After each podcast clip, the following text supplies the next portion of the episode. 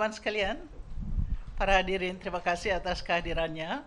Uh, I have done my slides in English, and but allow me to speak, present this in Indonesian, and I will be very happy to answer or dis- or participate in discussions in any language. Oke? Okay? Jadi saya diminta untuk bicara tentang using data, bagaimana memanfaatkan data untuk memperbaiki kebijakan kesehatan. Uh, dan ada lima pertanyaan yang diajukan oleh panitia kepada saya, memang banyak, tetapi uh, saya sambil jalan akan berusaha untuk menjawabnya.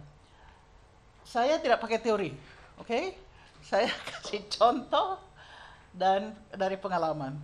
Karena dalam 50 tahun saya berkecimpung dalam bidang kesehatan, setiap policy yang baik membutuhkan data yang baik.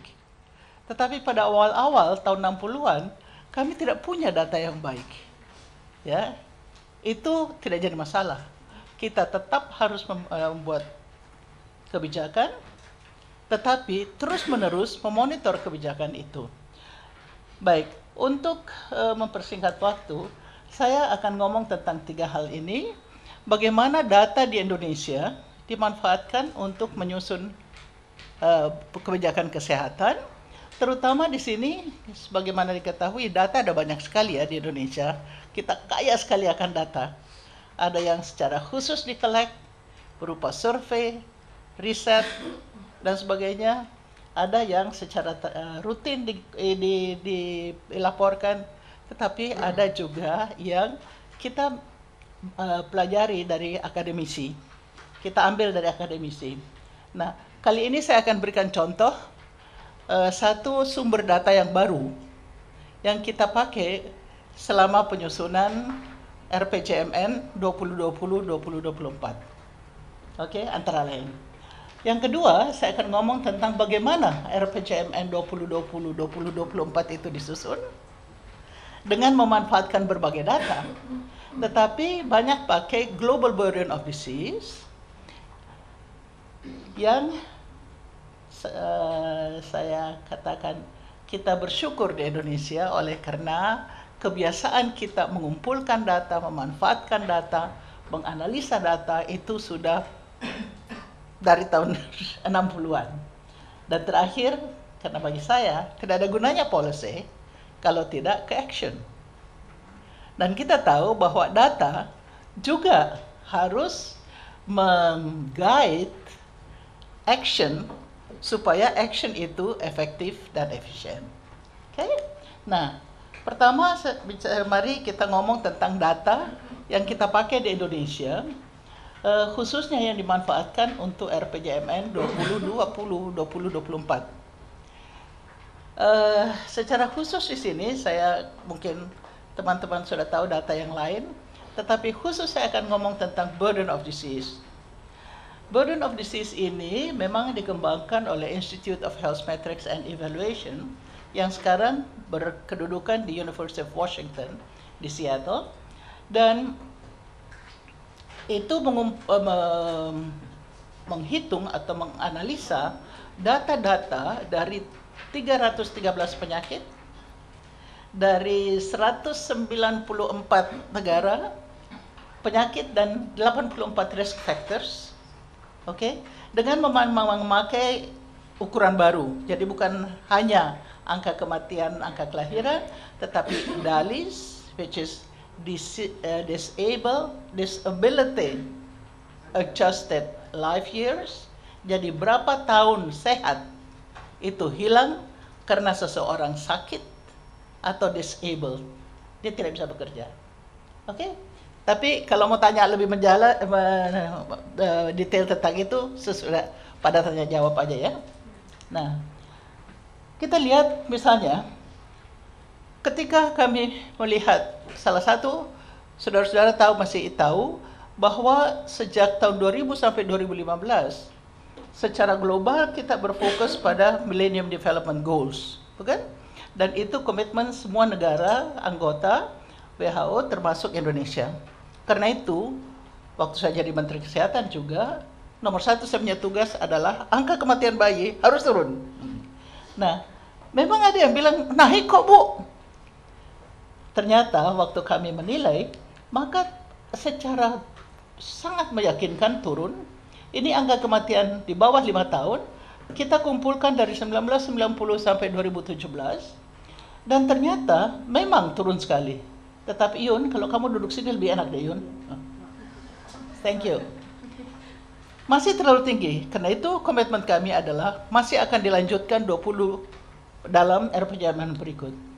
Tetapi kita tahu bahwa pada tahun 2017, 82,4 persen dari semua angka ke eh, kematian balita, yaitu ini tambah ini tambah ini, itu terjadi di bawah usia satu tahun. Oke? Okay? Sedangkan dari semua bayi di bawah satu tahun yang meninggal, ternyata pada tahun 2017 sebanyak 63,2 persen. Ya, sedangkan dari neonatal, jadi yang ini, ini neonatal, itu artinya usia di bawah 40 hari bukan, satu bulan, itu 81,3 persen dari kematian neonatal itu terjadi pada tujuh hari pertama. Nah, kalau saudara-saudara berminat pada kesehatan masyarakat, maka otomatis mengatakan, oke, okay, di mana masalahnya? Ya kan? Nah, ini yang harus dianalisa. Mengapa begitu?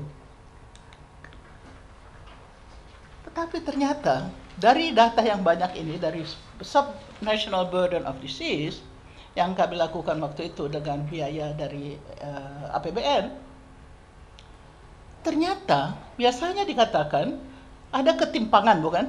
Itu salah satu uh, challenge kita dalam pembangunan kesehatan di Indonesia, yaitu ketimpangan. Dan biasanya dikatakan ketimpangan antara Indonesia bagian timur dan barat.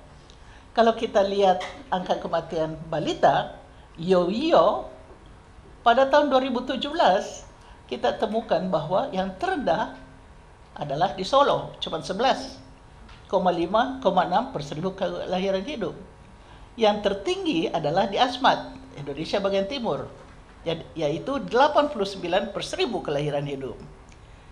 Lalu saya minta bagian teknis, saya melihat datanya, mari kita analisa Jangan hanya Indonesia Timur, Indonesia Barat, per pulau. Nah, karena itu kita lihat misalnya di Sumatera, ternyata Kabupaten Lingga itu uh, ininya apa namanya uh, kematian balitanya 50,1 sedangkan Riau dalam pulau yang sama 14,7 jadi bedanya 35 tahun. Sedangkan di Papua yang terendah itu adalah kota Sorong 19 per seribu kelahiran hidup. Tapi Asmat 89 loh. Berarti kondisi antenatal care mulai dari kehamilan ya mulai dari kehamilan persalinan sampai postnatal care di kabupaten-kabupaten itu buruk sekali. Jadi di situ kita harus pusatkan perhatian kita supaya capai pemerataan. Dan memang ternyata Presiden Jokowi setuju untuk ke depan pemerataan sangat penting diperhatikan. Oke? Okay? Begitu juga kematian ibu. Ya. Jadi di MDGs itu kematian bayi, kematian ibu tuh. Kematian bayi, kami lihat ternyata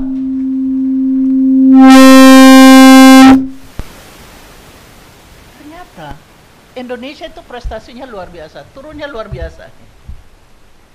Meskipun sebagai Menteri Kesehatan saya dimarahin loh, karena dibilang Menteri eh, apa eh, kematian ibu meningkat. Tetapi kemudian dengan berbagai macam cara baru kita lihat bahwa memang metodenya berbeda ya. Jadi oke, okay, kita lihat dengan satu metode ini bahwa ternyata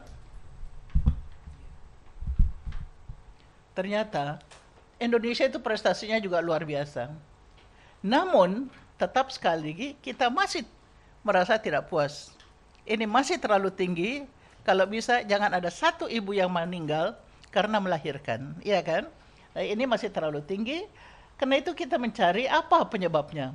Ternyata penyebab pertama adalah perdarahan pada ibu. Yang kedua adalah tekanan darah tinggi pada ibu. Yang ketiga adalah kelainan ibu yang lain. Ada anemi, ada kelainan jantung, PPOD dan sebagainya. Jadi kondisi ibu hamil yang buruk. Ya. Kemudian yang keempat adalah aborsi atau miscarriage. Dengan adanya itu saya semua data ya, kalian nanti mati bosan sampai besok kita duduk di sini. Tapi data semua ada dari 313 penyakit dan risiko faktor risiko. Nah, kita lihat bahwa salah satu tolok ukur pembangunan kesehatan adalah life expectancy atau harapan hidup. Nah, kita lihat di sini Indonesia juga hebat loh. Ya. Jadi ini perempuan meningkat terus, begitu juga laki-laki meningkat terus. Walaupun memang masih agak lebih rendah daripada global. Yang titik-titik global. Ya. Kalau di sini ada angka-angkanya jadi perempuan tahun 2017 70,48 laki-laki eh, laki-laki perempuan 75,59 tahun. Itu harapan hidup. Jadi saya sudah lebih dari harapan hidup perempuan. Oke. Okay. Tetapi lalu kami lihat bagi per provinsi. Antara tahun 1990 sampai 2017 apakah semua meningkat? Jawabnya ya. Tapi peningkatannya tidak sama. Dan kita lihat misalnya di sini saya tunjukkan Sumatera Barat bertambah 8,8 tahun. Ya, hampir 30 tahun itu ya. Sedangkan Jawa Barat, Jawa Tengah meningkat 5,9 tahun. Yang sangat mengherankan, yang di luar uh, perkiraan kami adalah Nusa Tenggara Barat. Meningkatnya 12,2 tahun. Memang dia mulainya paling rendah, angka harapan hidup di Nusa Tenggara Barat, tetapi kemudian dia bisa kejar. Kenapa dia bisa kejar?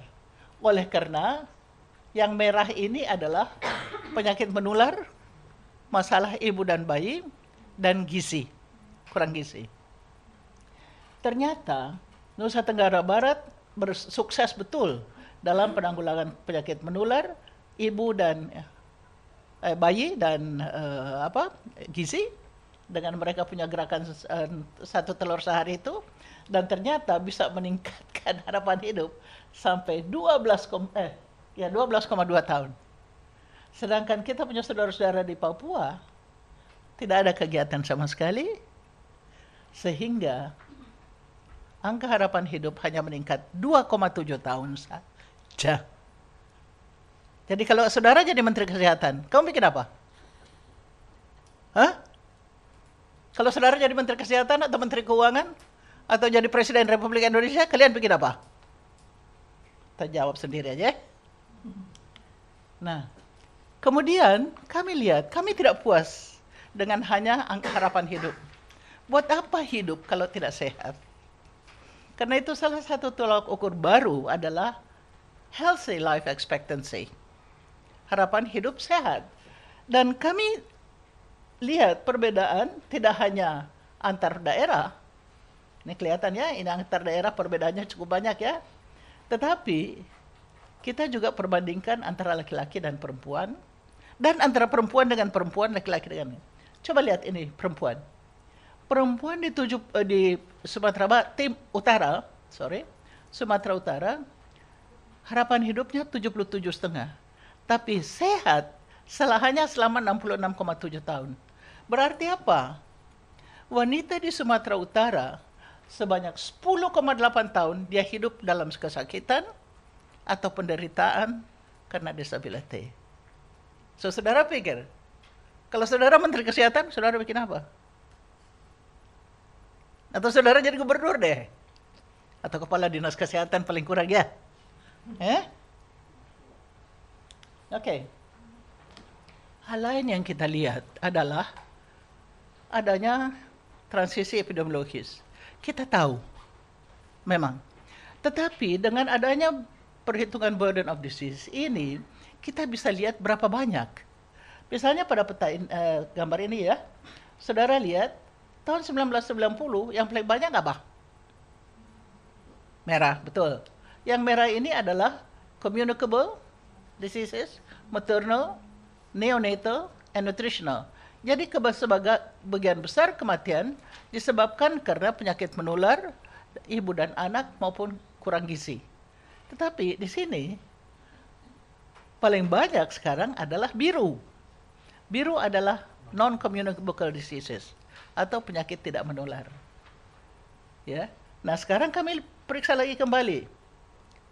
Penyakit apa itu? Dan memang kita lihat kalau bandingkan 1990 dan 2017 eh, bahwa ini ranking 13 penyakit di, selama 2017 ya. Kita lihat ini yang turun tuberkulosis yang merah, diare, penyakit uh, paru-paru, kemudian neonatal jadi bayi ya turun juga kecelakaan lalu lintas. Tetapi yang lain yang biru dan itu adalah penyakit tidak menular yaitu stroke. Dia naik 122 persen. Penyakit jantung diabetes naik 162 persen. Cirrhosis ini PPOD penyakit paru-paru obstruktif kronis. Tetapi ini yang mengkhawatirkan saya Alzheimer's naik 237 persen dan sebagainya. Jadi kita punya data per penyakit, per daerah, per provinsi juga kita punya. Supaya kalau antara kalian ada yang jadi menteri kesehatan atau presiden, tahu mau bikin apa. Nah, ini per provinsi. Mana tadi teman itu dari Maluku Utara? Hah? Yang mau ke Maluku Utara tadi siapa? Siapa kan namamu? Samuel. Samuel. Samuel, kalau kamu lihat, kamu cari Maluku Utara yang ini. Saya di sini aja ya. Ini Maluku Utara. Ya. Maluku Utara, jadi itu nomor lima. Ya, ini, ini Maluku Utara. Dia tinggi sekali kematian karena uh, penyakit menular, eh, penyakit tidak menular, penyakit menular maupun cedera. Jadi kita lihat semua provinsi masih ada penyakit menular. Rankingnya demikian, kita bisa lihat jumlahnya dan di mananya. Oke? Okay? Nah, sekarang saya tinggalkan penyakit, saya ke faktor risiko. Di dalam Global Burden of Disease ada 84 faktor risiko yang diperiksa. Dan ini sangat penting. Oleh karena kita tahu kenapa maka kita bisa intervensi karena kita hmm. tahu faktor risiko ada tiga macam ya.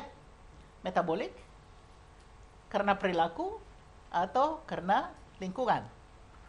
Lingkungan atau termasuk lingkungan kerja macam pekerjaan yang hijau. Nah sekarang lihat aja. Apa faktor risiko yang dihadapi rakyat Indonesia?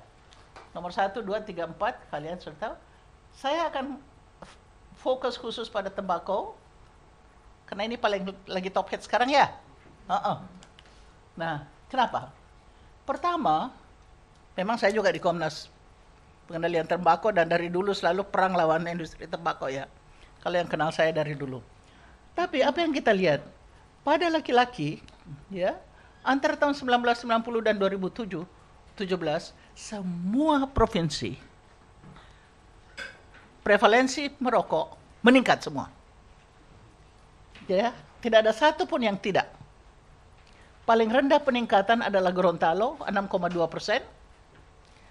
Paling tinggi adalah Jawa Barat 17,8 persen. Tetapi yang bikin sampai Ibu Menteri Keuangan akhirnya setuju usul kami untuk menaikkan cukai rokok dan harga rokok adalah data-data ini bahwa pada tahun 2017 68 juta orang Indonesia yang merokok, laki-laki 58 persen, ya, dan meningkat. Tetapi ini yang paling ini, yaitu waktu RPJMN yang lalu, ya, jadi antara 2013 2018, perokok anak naik dari 7 sampai 9 persen. Sedangkan perempuan dan ini lebih mengkhawatirkan. Uh, perempuan dalam lima tahun naik dari 1,3 menjadi 4,8 persen. Naik tiga kali lipat. Dan kita tahu kalau perempuan merokok, itu dampak pada anak, pada keluarga, pada komunitas. Ya. Nah kalau saudara, Menteri Kesehatan, kau bikin apa? Kau terima aja, terima suap dari pabrik rokok, ha? Tidak bikin kebijakan apa-apa, atau rubah? Dan kita tahu bahwa penggunaan tembakau itu force leading risk, risk factor keempat untuk kematian di Indonesia, tetapi untuk laki-laki leading uh, risk factor nomor dua loh, sesudah sesudah pola makan. Ya, dan dia menginikan 24% dari sakit jantung dan 64% dari lung cancer. Dan ini mahal. Penyakit tidak menular itu mahal. Jadi BPJS defisit kita marahin BPJS-nya. Kita nggak marahin perokok, ya. dan ini kalau kita bandingkan laki-laki dan perempuan, yang hijau muda ini berarti dia sendiri merokok. Berarti laki-laki ya memang dia merokok sendiri. Kalau perempuan memang antara dia merokok dengan second hand smoke itu lebih banyak second hand smoke. Jadi dia jadi apa namanya? Ya, saya harap kalian ada satu hari yang bisa membuat policy dan juga melawan terutama e-cigarettes, vaping. Oke? Okay? Nah, bagaimana dengan RPCMN? Jadi prosesnya memang cukup panjang ya, dan saya tidak akan terlalu detail. Oleh karena, jadi kita mulai tentu terus menerus. Jadi di sini ada uh, background studies, apa pengumpulan data-data, analisa data-data, kita li uh, lihat bagaimana uh, program-program bekerja atau tidak. Kemudian uh, yang penting adalah bahwa sebelum kita tahu siapa pasien berikut, draftnya sudah siap. Yang teknokratis. Ya. Setelah itu, begitu presidennya kita tahu siapa, ini diajukan kepada presiden dan timnya, presiden arahnya apa? Dia sudah setuju dengan draft itu atau ada prioritas khusus? Biasanya setiap presiden ada prioritasnya. Oleh karena atas dasar itu, jangan lupa ya, data alone is important, is but is not useful. Karena di dalam menyusun policy ada pertimbangan politik, ekonomi, sosial dan sebagainya dan sebagainya. Oke, okay? jadi jangan sangka data itu is all in all. Pertimbangan politik kadang-kadang jauh lebih penting daripada teknokratis. Oke? Okay? Nah, setelah kita tahu siapa presidennya, dapat arahan, uh, kita ini uh, apa? Ini draftnya, kemudian ini musrenbang nasional ya, jadi dari seluruh provinsi, dari, seluruh daerah, setelah itu baru final draft dan nanti pada bulan Januari Presiden akan mengumumkan ini dia RPJMN, kemudian dengan anggaran tahunan tiap tahun. Jadi kita sudah ada sekarang matriks tiap tahun apa untuk berapa, berapa untuk apa. Oke, okay, ini terlalu uh, sibuk, tetapi hanya untuk menunjukkan bahwa kita punya kerangka acuan untuk pembangunan RP, di dalam RPJM 2020. Ya, jadi saya bilang sama Pak Gani kemarin, jangan kira kesehatan tuh oh, ibor alas ya enggak.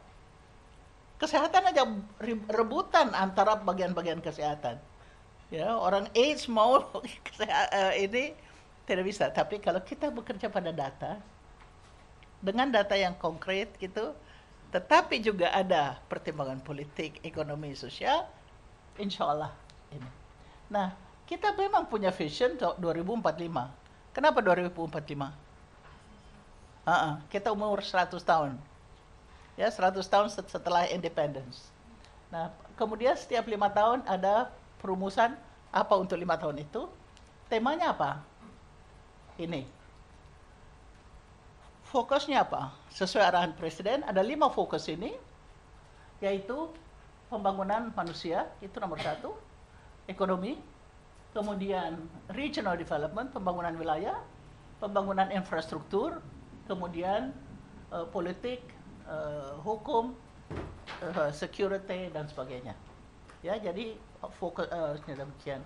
Juga tentu sudah dikatakan apa kendalanya, yaitu financing tentu, ya, kemudian natural resources, sering ada bencana dan sebagainya. Jadi ini sudah dalam satu kerangka. Saya langsung loncat di dalam fokus untuk human development untuk manusia. Kenapa? Karena kita ada di sini, health ada di sini. Jadi health termasuk dalam pembangunan manusia, basic services, jadi pelayanan dasar, dan social protection. Ya, nah tentu ini ada kerjasama dari health dengan pendidikan tinggi dan sebagainya ya. Tetapi asal tahu tempatnya kita di sini. Oke? Okay? Nah, kemudian ada arahan. Strateginya gimana? Pada dasarnya, health policy directionnya ini bahwa satu untuk pelayanan kesehatan, apa yang harus dipentingkan di sana, yaitu tetap meningkatkan uh, kesehatan ibu, bayi, kesehatan keluarga, eh, family planning, keluarga berencana, dan reproduksi. Saya senang sekali karena PP Kesehatan Reproduksi kami buat waktu saya menteri dan itu semua orang nggak setuju. Hanya karena ada dua, dua artikel yang dia tidak setuju, dia tidak setuju semuanya. Tapi syukurlah sekarang sudah di ini oleh presiden ini juga dipercepat uh, perbaikan gizi masyarakat. Dan ketiga adalah penyakit. Jadi di mana tentu penyakit menular dan ketidak menular harus seimbang, tetapi itu berarti harus betul-betul diperhatikan pada pelayanan kesehatan dengan terutama pada primary care. Ya, jadi dari data tadi ya, udah lihat. Kemudian ini gerakan masyarakat hidup sehat, Germas, itu juga akan ditingkatkan untuk peningkatan preventif promotif. Ya, karena kita lihat tadi kita kalau baru mau kuratif pengobatan muah setengah mati bangkrut BPJS tapi kalau kita pada pencegahan kita harapkan semua itu tidak terjadi maka eh, preventif promotif maka biaya pengobatan juga akan lebih rendah. Dan tentu 30% adalah biaya pharmaceuticals. Nah, ini juga suatu masalah besar. Ya obat-obatan mahal sekali. Dan makin mahal. Apalagi kalau sudah pengobatan kanker dan sebagainya. Itu cuma mahal setengah mati. Belum lagi alat kesehatannya untuk bikin diagnosa dan sebagainya jadi itu semua kalau kamu jadi menteri kesehatan harus kerjasama dengan menteri keuangan menteri perdagangan dan berjuang betul supaya itu bisa ditekan Nah, terakhir tentu adalah health system strengthening. Tanpa health system strengthening, tidak mungkin kita dapat uh, kita capai tujuan RPJMN. Nah, terakhir saudara-saudara adalah data tidak boleh hanya untuk policy. Policy yang bagus tidak digunakan. Kalau tidak jadi, uh, memperbaiki nasib manusia, ya enggak? Karena itu, yang saudara perhatikan juga bahwa data dan informasi ini juga dipakai pada seluruh proses dari policy ke action baik tingkat nasional oleh kementerian-kementerian maupun lokal sampai ke tingkat community. Ya. Kemudian action ini kita uh, selalu ada monitoringnya. Monitoring, kemudian evaluasi dan research di sini. Pagi saya, research itu penting sekali. Ya. Research dan untuk kali ini ada 19 health indicators, saudara tahu ya, ada sustainable development goals, ada segala macam. Nah, tetapi di sinilah bahwa data dan informasi ini selalu harus ini pada policy yang baru, tetapi juga pada action. Jadi ini suatu lingkaran yang terus kesimpulan, keberadaan dan pemanfaatan data memampukan kita untuk pengambilan keputusan yang lebih smart, yang lebih cerdik, baik tingkat nasional maupun tingkat daerah, sehingga seluruh pelayanan kesehatan dan health outcomes lebih baik dengan biaya yang lebih rendah atau efisiensi. Terima kasih.